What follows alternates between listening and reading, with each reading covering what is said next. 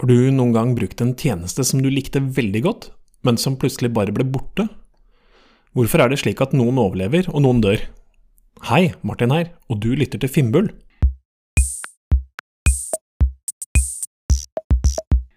Hvis jeg nevner navn som Google Wave eller Google Pluss, iTunes, Alta Vista, Geocities, Netscape, Makromedia Flash, StumbleUpon og Napster, så drar du sikkert litt eh, på smilebåndet. Fellesnevneren for alle disse produktene eller tjenestene er at de er avviklet. Alle selskaper avvikler produkter, og det er en helt naturlig del av forretningsutviklingen å ta livet av forretningsmodeller som ikke fungerer som de skal. Tar du en titt på Wikipedias liste over tjenester som avvikles hvert år, vil du si at Google går igjen omtrent hvert eneste år. Men det betyr jo selvfølgelig ikke at Google ikke gjør det bra. Det er mange ting som kjennetegner gode og dårlige produkter, men et godt produkt har tre fellesnevnere som tegnes opp som tre mengder i et Venn-diagram. Den første mengden er desirable, eller etterspørsel på norsk. Hvem er kunden, og hvilket problem løser du for kunden? Løser problemet ditt et faktisk problem, eller har du bare laget et produkt som du selv syns er en god idé? Det må være krystallklart for deg hvem som er kunden, og hvilket konkret problem du løser for kunden. Interessant nok så kommer det mye læring gjennom en slik innsiktsprosess, så kunden du trodde du skulle henvende deg til i starten, kan ende opp med å være en ganske annen til slutt. Airbnb er et godt eksempel, som har prøvd tre vendinger før de endte opp med det produktet de har i dag. Tilsvarende med problemet. Problemet du trodde var reelt, viser seg ofte å ikke være et problem, men kunden kan lett fortelle om tre, fire, fem andre problemer de har, og for å gjøre det enda mer komplisert, så vil du ofte oppleve at problemene kundene beskriver, heller viser seg å være symptomer på rotproblemet.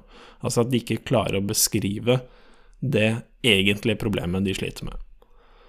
Å studere atferd er derfor viktigere enn samtale med kundene, selv om samtale med kundene selvfølgelig også er viktig, for du vil oppleve at kundene forteller deg én ting, og så gjør de noe ganske annet.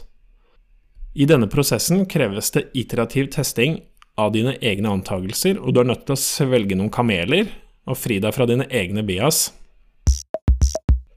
Den andre mengden er viable eller levedyktig på norsk. En ting er at du finner en kunde og løser deres problem, men vil kunden eller noen andre betale for det? Det er bare å innse det er inspirerende problemløsning som motiverer deg fra dag til dag, men når dagen er omme, må du ha penger til huslån, mat, og du skal ha dekket de kostnadene du har. Du skal skape verdi for deg selv og dine kunder, og du må ha en måte å fange denne verdien på. Levedyktig betyr også at du har en verdikjede eller en forretningsmodell som er robust over tid. Vil si at du ikke eh, lager et produkt som enkelt kan kopieres av andre, eller at det er enkelt å bryte ut ditt produkt med et annet. Den siste mengden er feasible, eller gjennomførbar på norsk.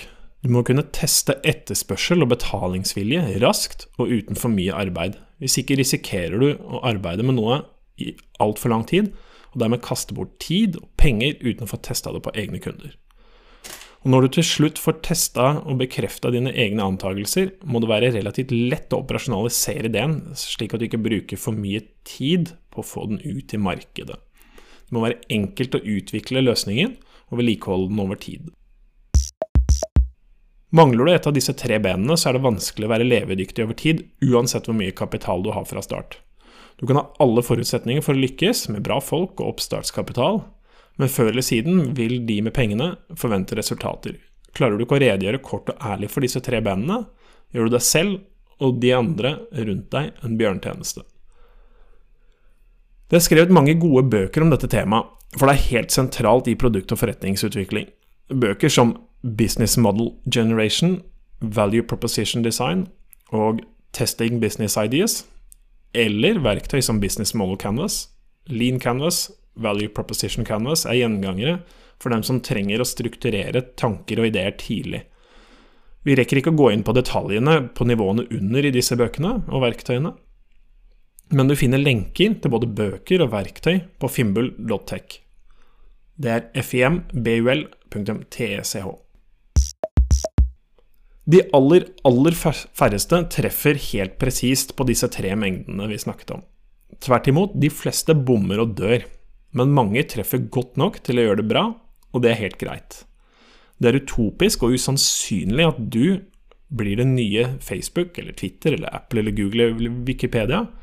Så det er ikke noen grunn til å sammenligne seg med disse tjenestene og hva de gjør, og hva de har gjort. Hvis jeg trekker frem eksemplene jeg nevnte tidligere, så vil du se hva som mangler ved tjenestene. Ta f.eks. Google Wave. Etterspørsel. Produktet var for komplisert, og det løste ikke et reelt problem. Litt det samme med Google pluss. Google Reader derimot, som jeg ikke har nevnt, forstår jeg egentlig ikke den dag i dag hvorfor de tok livet av. Det syns jeg var et godt produkt.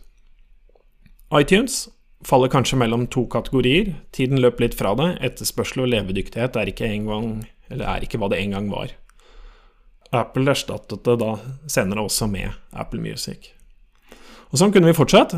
Det viktige er at du, for det du lager i det daglige, klarer å svare helt ærlig på de tre mengdene over. Først og fremst for din egen del, men også for dem du involverer. Det var det jeg hadde mellom ørene i dag. Har du spørsmål til denne eller en tidligere episode, eller mener det er et tema vi burde dekke, besøker du fimbul.tech. Det er altså fimbul.tech. Tusen takk for at du lytter til Fimbul. Vi høres.